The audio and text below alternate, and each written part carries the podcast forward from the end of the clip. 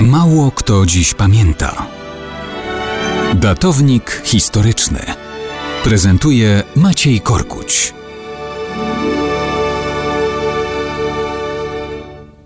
Mało kto dziś pamięta, że był taki człowiek, o którym mówi się, że wypalał nawet 240 papierosów dziennie. To Ahmed Ben Zogu, który akurat 31 stycznia 1925 roku został wybrany prezydentem Albanii. Czy to możliwe, że on aż tyle wypalał? Nie wiem.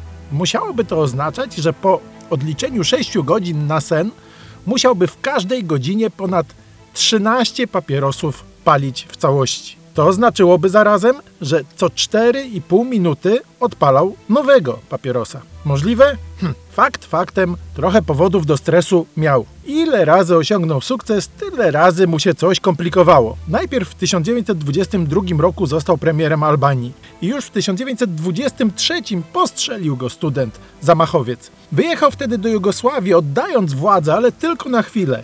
Zaraz potem powrócił wspierany przez zbrojnych najemników. Został znowu premierem, a zaraz potem, jak już wspomnieliśmy, prezydentem.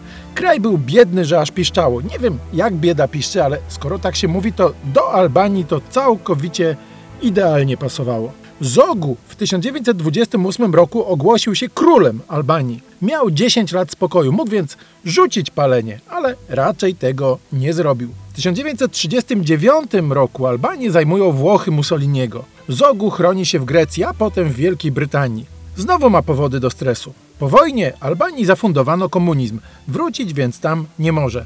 Mieszka w swojej rezydencji w Egipcie, gdzie król Faruk uznaje go oficjalnie za głowę państwa albańskiego. Ale to też nie trwa wiecznie. Przewrót w Egipcie wprowadza republikę i prezydent Nasser odmawia Zogu oficjalnych honorów królewskich. Zogu wyjeżdża do Cannes i tam we Francji spędza ostatnie lata życia na wygnaniu. Umiera w 1961 roku. Trudno oczekiwać, aby w takiej sytuacji przestał palić. No ale co 4,5 minuty to chyba niemożliwe.